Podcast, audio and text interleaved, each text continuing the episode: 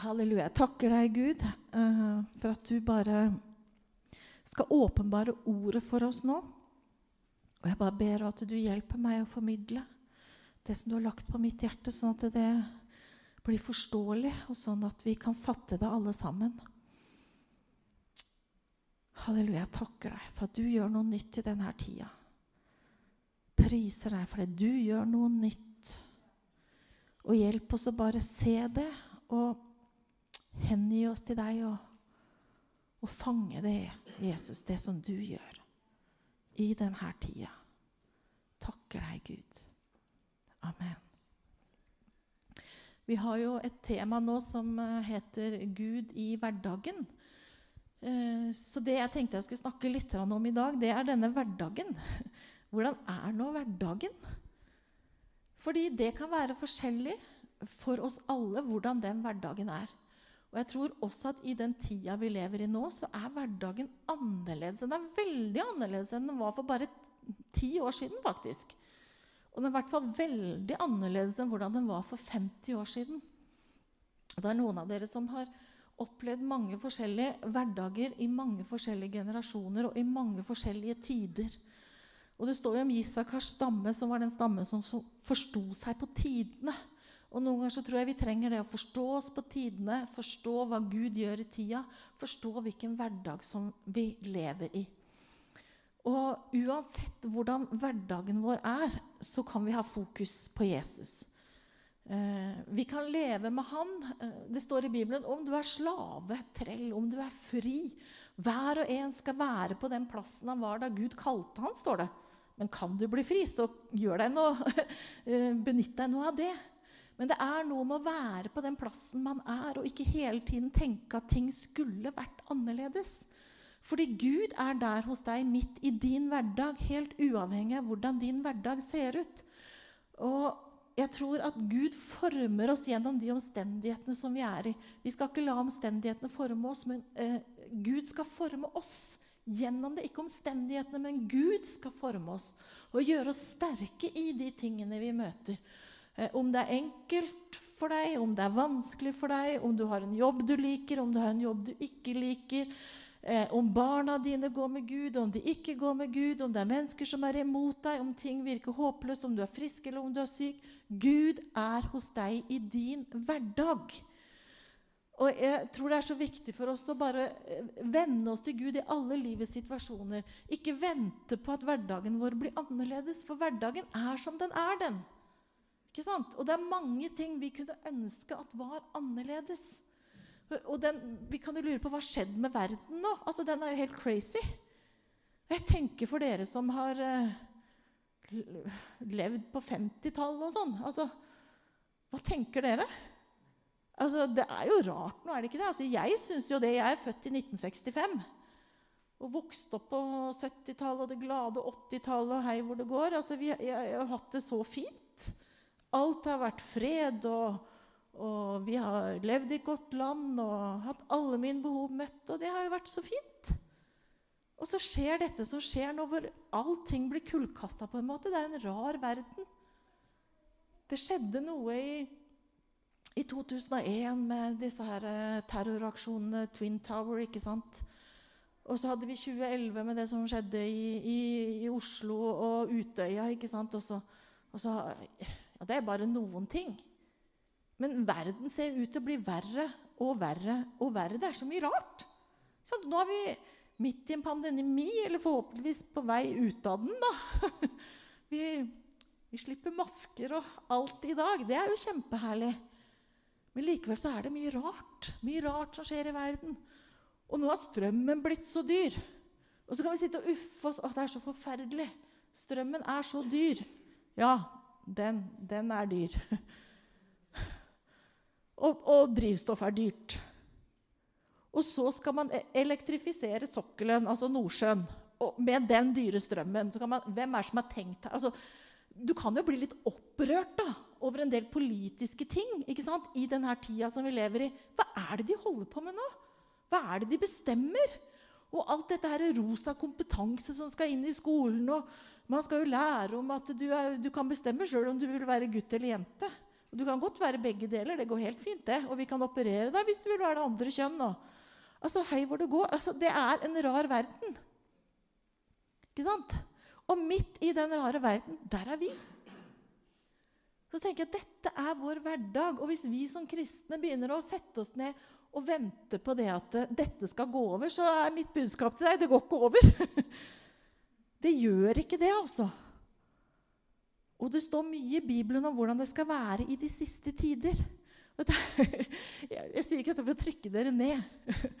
Eh, for jeg får ikke gjort noe fra eller til. Altså, det blir som det blir. Om jeg er feil eller rett, så blir det som det blir uansett.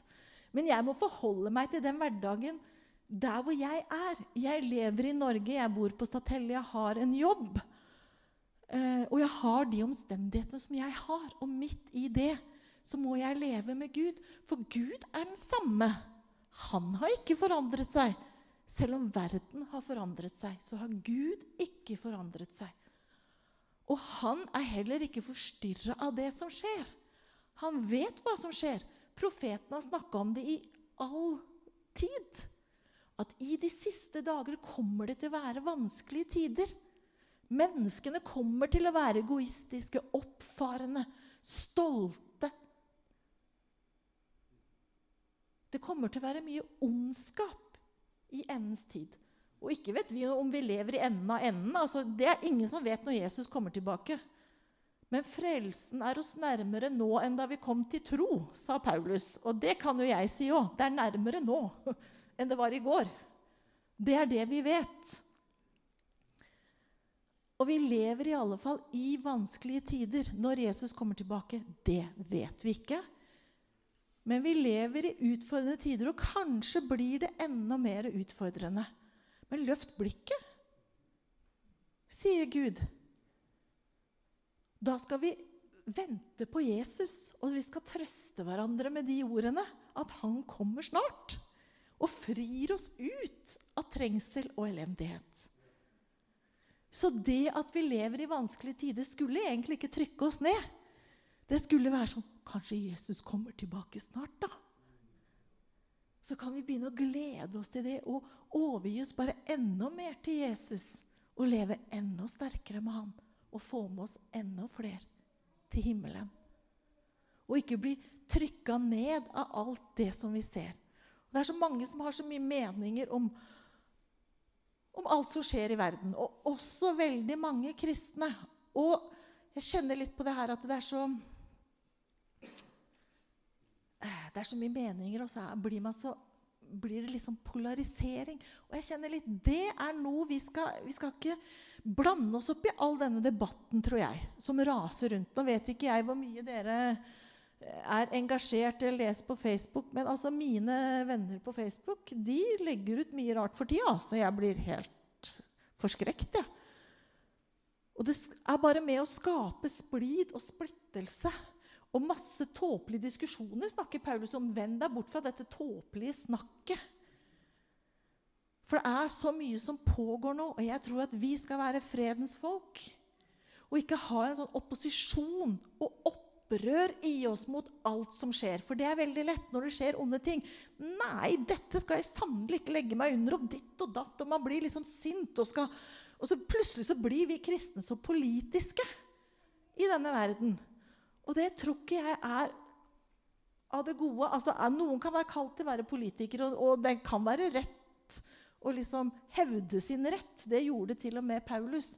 Men det er at vi blir så opprørte, vi blir så aggressive, vi blir så sinte. Vi skal, alt det der, det tror jeg ikke er noe godt. Og jeg kjenner for min egen del i alle fall at jeg legger det litt vekk. Jeg vet ikke alt dette her eh, ja, altså Det er dumt at strømmen er så dyr, men jeg får tro Gud for at jeg får betalt strømmen, da. Altså, jeg, jeg får bare leve oppi det. Jeg får bare leve med det at det er dyr strøm, da. Og kan noen gjøre noe med det, så, så vær så snill. Det er ikke det jeg mener. men, men, at vi skal gå uffe og stønne og bare kjefte og anklage regjeringen Vi skal ha respekt for de som styrer landet, uansett. Vi skal be for alle som er i høy posisjon og har en høy stilling. Vi skal underordne oss under enhver myndighet, for det finnes ingen myndighet som ikke er av Gud. Dette står i Romerne 13. Dere kan lese det selv. Det er noe med eh, hvilken holdning vi har til det som skjer. Ja, det er ille. Det skjer mye dumt, men hvor, hva, hva, gjør det med meg? Jeg tror vi skal ha en ydmyk holdning overfor alt det som skjer. Det står Det er jo ikke det at det som skjer, ikke er feil. Men Herren sier, 'Hevnen hører meg til', sier Herren. Ja, alle de som gjør urett, alle de som begår urett mot oss, alle de som begår urett mot Norge, selger arvesølvet vårt. Ja, det er ille, det, at eh, vannkraften vår blir solgt i utlandet, skogene våre blir solgt. Altså, Det er ille. Jeg mener ikke det. Men midt oppi dette skal jeg tjene Gud. Det er det jeg skal gjøre i denne verden, i denne min hverdag som jeg har. Jeg skal tjene Gud i denne hverdagen og ikke engasjere meg i alle disse tingene. For det tar oppmerksomheten. Det tar oppmerksomheten fra det som er viktig. Det tar oppmerksomheten eh, fra å følge Jesus. Det tar oppmerksomheten fra å fokusere på ordet og løftene. Derfor skal vi passe oss litt i denne verden for all akk og ved all stønning og all klaging. Du vet hvordan det gikk med israelittene som klaga i ørkenen. De har satt til et skrekkens eksempel for oss. De som ikke omvendte seg, de døde. Så akk og ved og klaging Jeg mener ikke nå at ikke du kan si det at det er dumt at det er høye strømpriser. Dere skjønner det. Men det ligger en ånd i dette her, hvor vi liksom, en sånn verdensånd som prøver å dra oss inn i noe som ikke er bra som prøver å få menigheten vekk fra øh, å holde fokus. Og få oss vekk fra å holde fokus i den tida som vi lever i. Jeg prata mye uten å si et eneste bibelvers her, men kanskje vi skal lese litt òg.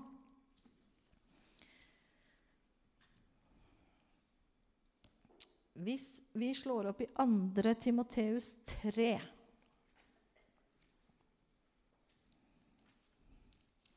Så skal vi se på noen bibelvers. Så.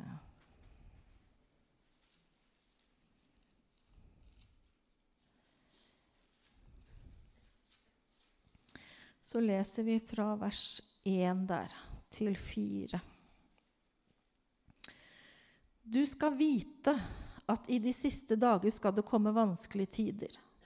For da skal menneskene være selvopptatte og pengegriske brautende, hovmodige og spottende, ulydige mot foreldre, utakknemlige og uten respekt for det hellige, ukjærlige og uforsonlige, baktalende, ubeherskende, rå og ondsinnet, svikefulle, oppfarende innbilske. Det er litt av en samling her med De elsker nytelsene høyere enn Gud. I det ytre har de gudsfrykt, men de fornekter Gudsfryktens kraft. Vend deg bort fra slike folk. Og du vet at da må vi i hvert fall få rensa det ut hos oss sjøl. Ellers så var det kanskje ingen vi kunne være sammen med. Og jeg kjenner at her er det nok uh, utakknemlig, ja. Mm, ukjærlig. Ja, det er nok noe som treffer meg også. Ah, det her og jeg kjenner med Gud. Jeg vil ikke Sjikter ikke lik denne verden. Ikke sant? Romerne 12. Skikk dere ikke lik denne verden. Vær ikke sånn. Det er Guds bud til oss. Ikke vær brautende, baktalende, oppfarende, selvhevdende, egoistisk. Ikke vær sånn. Fordi det er, det er, verdens ånd i det. Og vi skal ikke være lik verden. Vi skal ikke være lik verden. Men Gud gir oss nåde til å bli forvandla.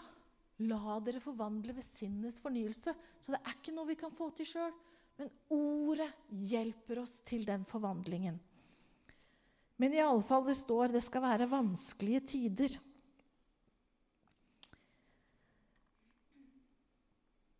Og alle de her vanskelige tingene som kommer og som skjer, og alle de rare beslutningene som, tar, som tas, det har jo mye sin rot i det at menneskene er egoistiske og pengekjære. De tenker på seg selv, sin egen posisjon, hvilken jobb de skal ha etter de går ut av en regjering f.eks. De tenker på seg selv, og det blir mange rare beslutninger. Så i den tida som vi lever nå, så er det vanskelige tider, og det kan bli vanskeligere. Og så er det noe annet vi må være klar over i den tida som vi lever i nå. Og det er at det kan snike seg inn mye vranglære. Og det snakkes det altfor lite om. Og det står masse om sunn og rett lære i Bibelen. Om at vi skal ikke ta imot vranglære. Jeg ble litt sånn sjokka. Står det virkelig så mye? For vi tenker litt når vi leser at nei, vi har ikke noe vranglære. Det er litt lett å bare skyve det vekk. Og så begynte jeg å, å, google litt på ordet forførelse, og så kom jeg inn på en side som hadde eh, ramsa opp masse Jeg vet ikke om alle, det vet jeg ikke, men veldig mange bibelvers om forførelse og vranglære. Og jeg tenkte Står det så mye i Bibelen?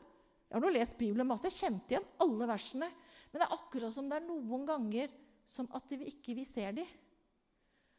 Og det er noe med den herre mm, Perception heter det på, på, engelsk. Hva heter det på, på norsk? Altså den um, Hjelp meg. um, det perspektivet som vi har, de brillene vi ser med når vi hører Guds ord, når vi leser Guds ord Og noen ganger så er vi, vi flinke. Vi skyver noen ting til side. Har du lagt merke til det? Jeg skjønte i hvert fall da jeg begynte å lese at oi, her er det mange bibelvers. jeg har liksom, Nei, ikke så viktig, ikke så viktig. Men det Å, der sto det om seier! ja, Halleluja! Det er så lett at vi kjører litt slalåm gjennom Guds ord. Vi kan slå opp i 1. Tim 4.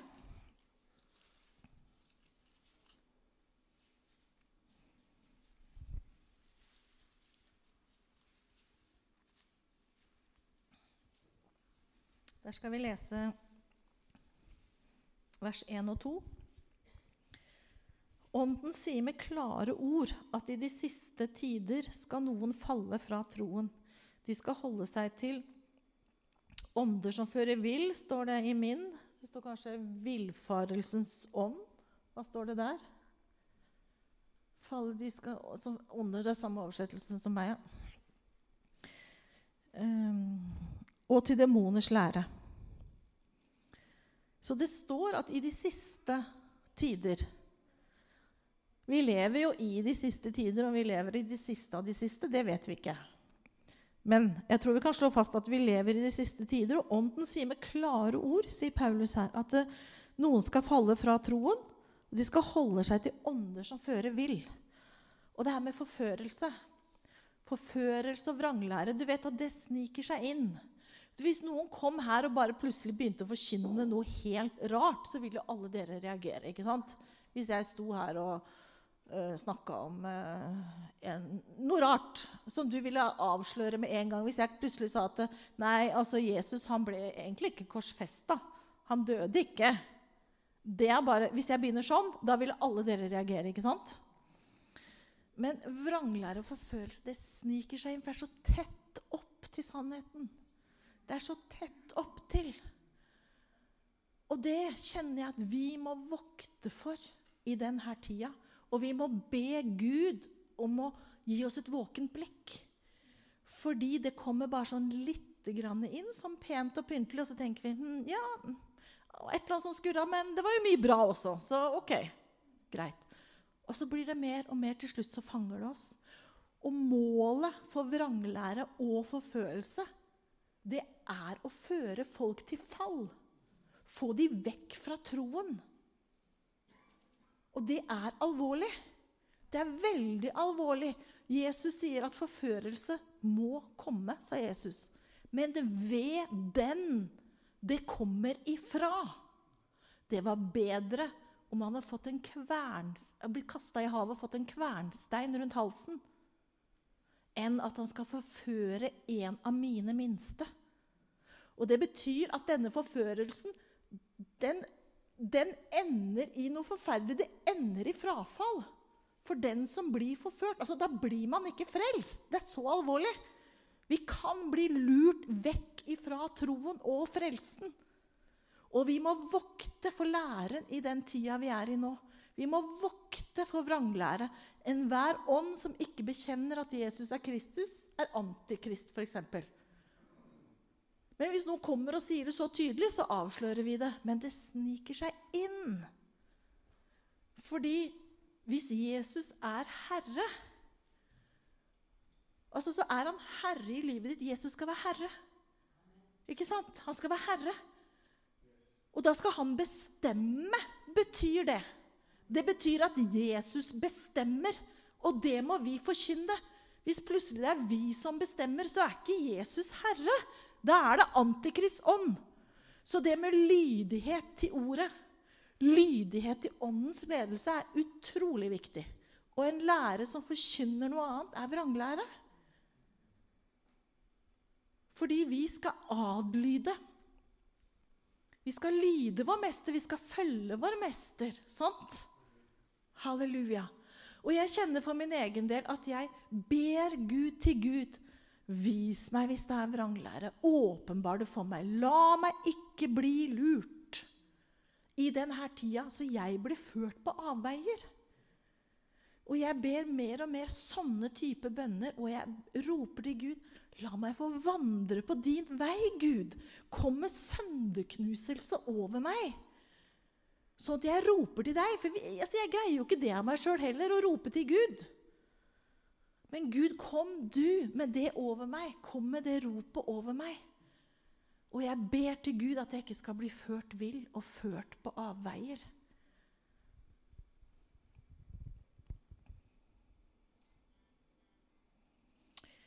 Vi skal lese litt i Peters brev. Og Peters brev det er alvorlige brev, det altså.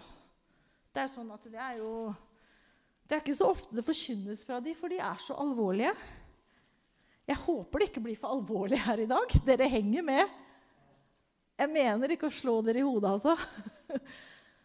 Du vet, I mitt hjerte så er det bare Gud, la menigheten vår gå rett. La menigheten vår gå rett. La det være sunn og god lære i menigheten. At vi holder sannheten høyt. 2. Eh, Peter 3, 3.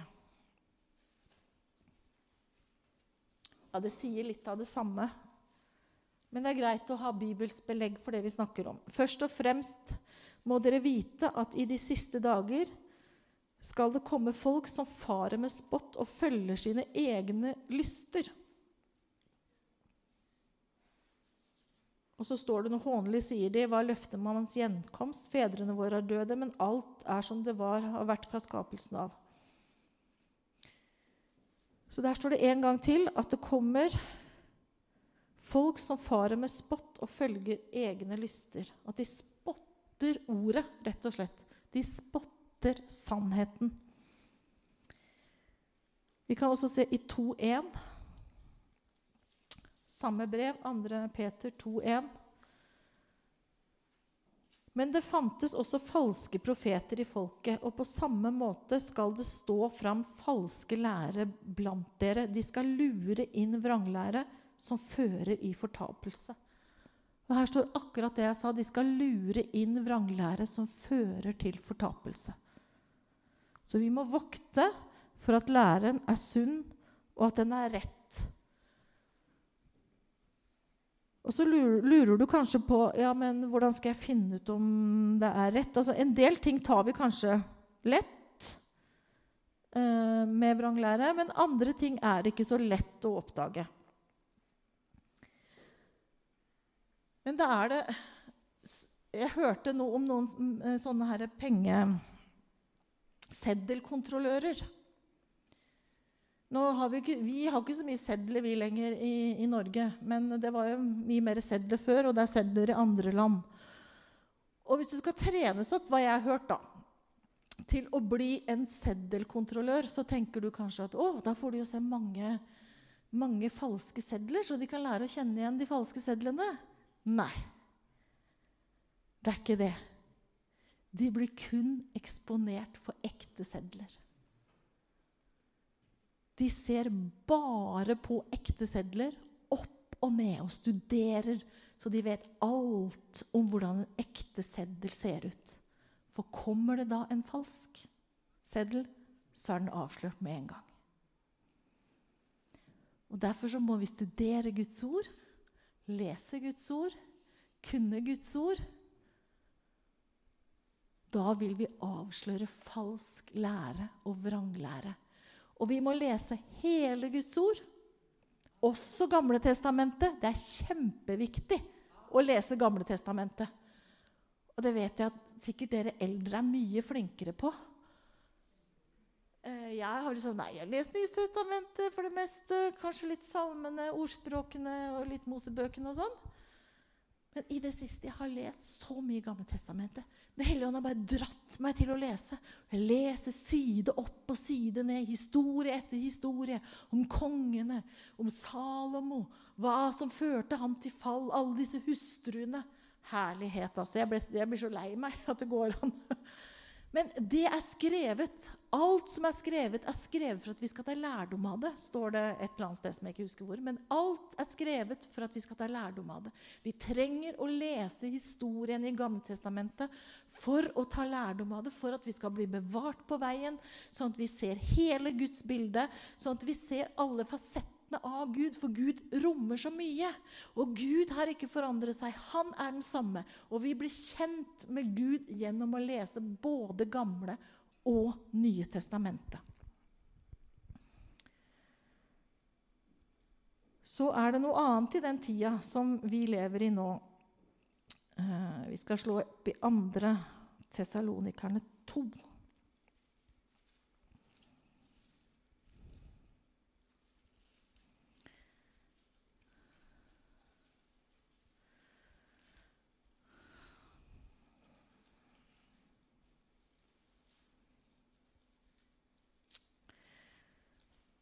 Vi skal lese fra vers 7, og det handler om lovløshet. Lovløsheten virker allerede med sin kraft, men i hemmelighet. For han som ennå holder igjen, må først bli ryddet av veien. Da skal den lovløse åpenbare seg, han som Herren Jesus skal utrydde med pusten fra sin munn og tilintetgjøre den dagen han kommer i herlighet. Når den lovløse kommer, har han sin kraft fra Satan og virker med stor makt og med under og falske tegn. Så denne lovløsheten, lovløshetens ånd, det er noe som også skal prege den siste tida og endetida. Og lovløsheten den kommer inn i menigheten, og gjerne gjennom litt fordekt i en nådeforkynnelse av at alt er bare nåde, og vi trenger ikke å gjøre noen ting. Vi, det er sant, vi trenger ikke gjøre noen ting for vår frelse. Men Gud har aldri sagt at ikke vi skal leve rett og være gode mennesker, følge de ti bud. Han har aldri sagt at vi ikke skal gjøre det, men det vil ikke gi oss frelse. Men vi gjør det fordi vi er frelst. Og forkynnelse som sier at du kan gjøre hva du vil, det er vranglære. Det er ikke sunn og ekte lære. Men lovløshetens ånd Vi ser det Du kan si um, Adam og Eva falt i synd. De gjorde opprør mot Gud. Opprør er noe som kommer fra Satan. Satan gjorde opprør i himmelen. Han ville bli lik Gud. Han ville stige opp på det høyeste fjell og være lik Gud. Altså Det var et opprør mot Gud, og han ble kasta til jorden. Opprør, opprør. Mennesket gjorde også opprør opprør imot Gud i Edens hage da det falt i synd. Så kom Gud med loven for å gjøre synden om til lovbrudd. Synd er lovbrudd. Det var lovens hensikt. Å vise hvor syndig synden var, og gjøre synden om til et lovbrudd.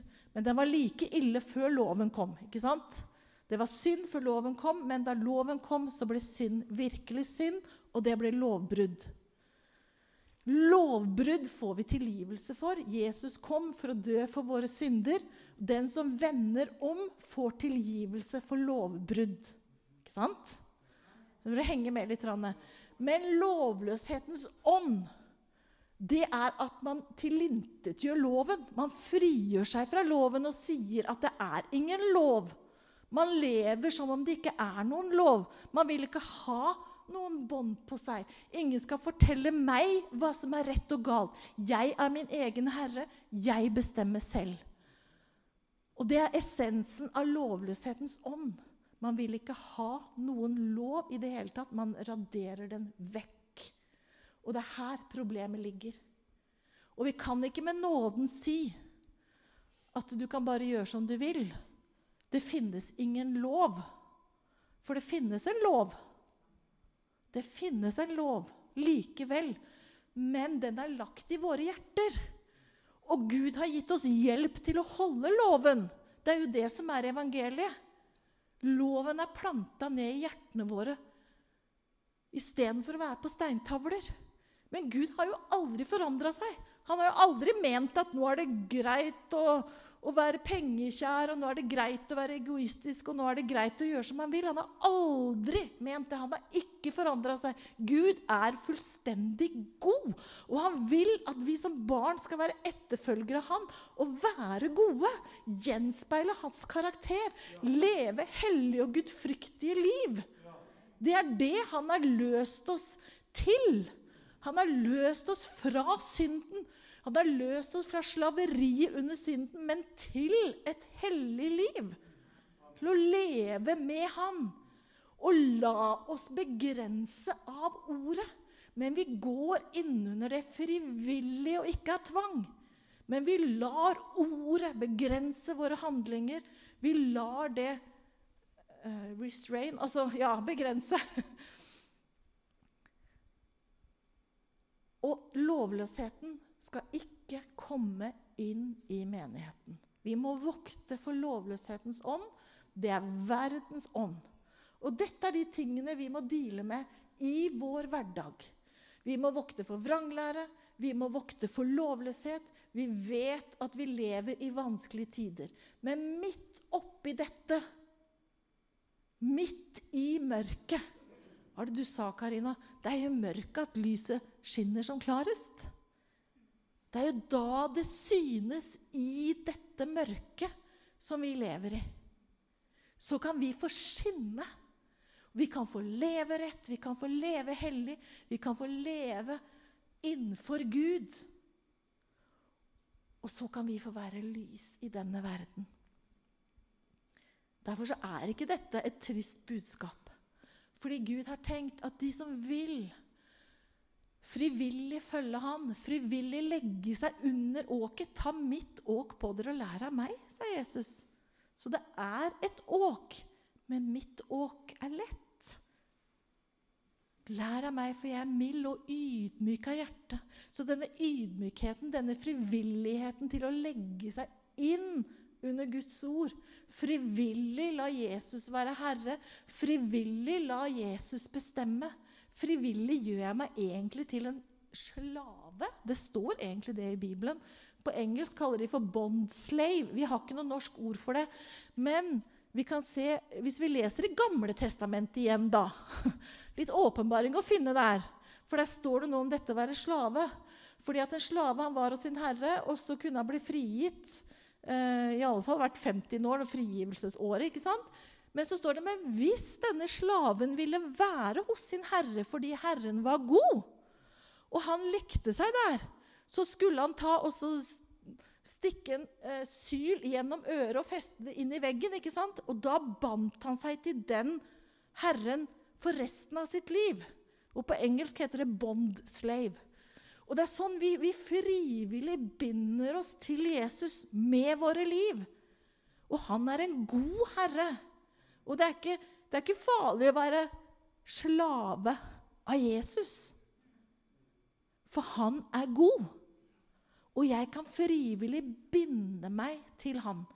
Og du skjønner, Da får ikke lovløshetens ånd noe tak i oss når vi frivillig binder oss til Jesus.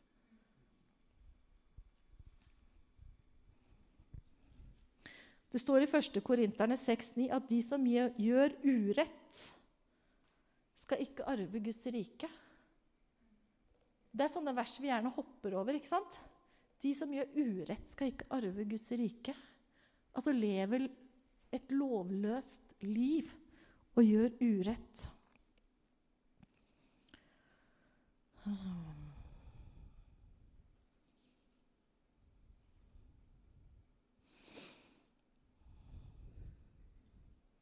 Ja, jeg bare lurte på om jeg skulle ta noe mer der begynne å gå mot avslutning. Jeg tror vi skal lese noe herlig her mot slutten. Vi må jo det. Eh, hvis vi leser Jesaja 60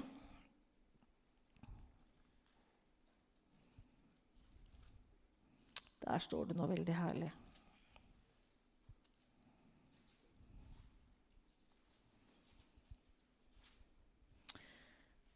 Det er Jesaja 60 og fra, og fra vers 1 og litt nedover. Reis deg og bli lys. I en annen oversettelse så står det 'reis deg i stråleglans'. For lyset ditt kommer. Herrens herlighet går oppover deg. Se mørket dekke jorden. Skodde dekker folkene. Det er stummende mørkt over folkene, står det i en annen oversettelse. Men over deg går Herrens herlighet opp. Hans herlighet viser seg over deg. Folkeslag skal gå mot ditt lys, konger gå mot din soloppgang. Det blir mørke i verden, men proporsjonalt, minst proporsjonalt med mørket, så øker Guds herlighet over hans forsamling, over de som villig går med ham. Og i den tida vi lever nå, så vil det også bli et skille. Det blir skille mellom sauene og geitene. Det blir et skille mellom de kloke jomfruene og de ukloke jomfruene.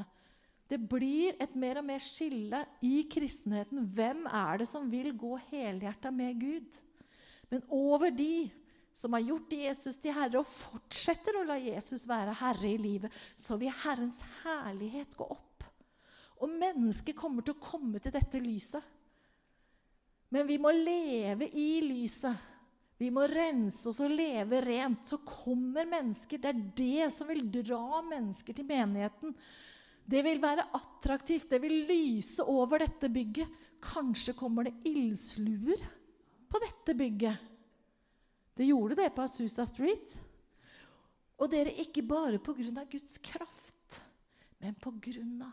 ydmyke hjerter. Hellige folk som har rensa seg, som søker Guds ansikt fremfor hans gjerninger. Vi vil så gjerne se tegn og under. Vi vil så gjerne ha kraften. Men hva er det? Hva er det? Det står at Israel, altså jødefolket, de kjente Herrens, vei, kjente Herrens gjerninger, men Moses kjente hans veier. Vi må kjenne Guds veier, og, ikke, og, vi må søke Han for den Han er, og ikke bare søke kraft. For det står at mange skal si 'Herre, Herre'. Har vi ikke gjort mektige tegn i ditt navn? Har vi ikke helbredet mange og kastet ut demoner i ditt navn? Jeg kjenner dere ikke, sier Jesus. Vik fra meg, dere som gjør urett eller lovløshet. Det står litt forskjellig i forskjellige oversettelser. Vi kan ikke bare søke kraften. Vi må leve rene, hellige liv. Vi må ligne vår Far i himmelen. Når vi gjør det, så kommer Guds kraft. Det står 'hellige dere i dag', for i morgen vil jeg gjøre under iblant dere. Igjen Gamle testamentet. Vi må lese alt Guds ord. For kraften kommer der hjertene er rett. Og du vet, du kan få tak i kraften uten et rett hjerte, og det er det som er skummelt. Det står til og med at Satan gjør tegn og under i endens tid. Og jeg har sett mennesker som søker kraften. Og jeg har vært fascinert og holdt på å gå vill. Apropos. Og sett hvordan folk har operert i kraften, men hvor hjertene bare er opptatt av kraften og tegnene og underne. Og det er skummelt. Det er så skummelt. Vi må være opptatt med Jesus, med vår frelser. Og da kommer Guds kraft. Det, da trenger vi ikke å drive og rope og be om den, skjønner du, for den kommer av seg sjøl.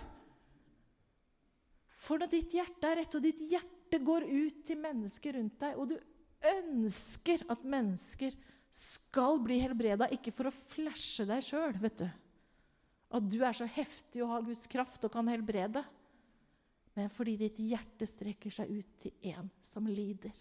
Og det er så forskjell. Det er så forskjell. Vi skal ikke bare se etter de ytre tingene, etter tegn og under, men vi skal se etter sønderknuste hjerter, etter en sunn og sann lære. Vi skal vokte for vranglære, vi skal vokte for lovløshet. Og så kommer vi til å greie oss så bra i disse tøffe tidene. Fordi Herrens herlighet kommer til å gå over oss. Og den kommer til å falle på dette stedet. Jeg bare vet det. Guds herlighet kommer til å falle her. Fordi det er så mange mennesker i denne menigheten som skjønner det som jeg har snakka om nå, som vil ha tak på Gud, som vil bøye hjertene sine, som vil det fordi det er rett, ikke bare for at vi skal ha noe heftige greier her, men fordi vi vil leve rett med Gud. Sant? Dette er litt sånn gammeldags forkynnelse, føler jeg. Og Jeg hadde nesten ikke trodd at jeg skulle stå og forkynne sånn, for jeg kommer fra det der kraft-kraft-greiene og tro-tro. Det er min fortid. Og jeg har sett masse skje. Sett masse tegn og under. Jeg har sett folk reise seg fra rullestoler. Men jeg har ikke kjent Gud. Jeg har ikke kjent Gud i hjertet mitt. Det er skummelt. Og jeg er så takknemlig for at jeg ikke er der nå. Ja. Jeg tror jeg skal stoppe, for nå, nå, nå trøtter jeg dere. Men jeg bare kjenner et ord som jeg så jeg ba for dere som skulle komme her i dag hjemme. kjente jeg at det er en person her som syns det bare er, det er forvirring. Og syns at en del ting er vanskelig. Men Herren sier til deg at han tar seg av den forvirringen. At du skal komme til han med alle ting, med alt som du tenker på, og han vil gi klarhet der hvor du opplever forvirring. Halleluja. Karina, kan dere komme opp og, komme opp og spille litt? Halleluja. Jeg takker deg, Gud. Jeg priser deg. Halleluja, for du er en sann Gud. Du vil hjelpe ditt folk. Halleluja. Jeg priser deg, for du er en nådig Gud. Når vi kommer til deg opp, med, i oppriktighet, så vil du hjelpe, Gud. Takker deg at du vil løfte opp mennesker her i dag. Selv om dette var et alvorlig budskap, så vil du løfte opp mennesker. Du vil løfte de opp, Fader Gud. Du vil styrke de. Herren skal gi sitt folk kraft. Halleluja. Det ordet sendte du, Fernando, her om dagen. Og det var så herlig. Herren skal gi sitt folk kraft. Og du skal ikke bekymre deg. Nei, ikke bekymre deg for den tida som vi lever i. Halleluja, halleluja, halleluja. Halleluja. Bare spill litt, Karina. Så ser vi hva Herren vil gjøre. Jeg tror Herren har talt til mange her nå i dag. Halleluja, halleluja. Hvis du kjenner at du har bare lyst til å bøye deg for Herren, så, så kan du gjøre det ved stolen din. Du kan snu deg rundt og bare bøye kne og bare si, 'Gud, her er jeg. Her er jeg. Ta tak, du, i mitt liv. Ta tak, du, i mitt liv. Halleluja, halleluja. For Gud er så nådig. Han er så glad i deg. Halleluja. Amburumini kima mamburumini kima nere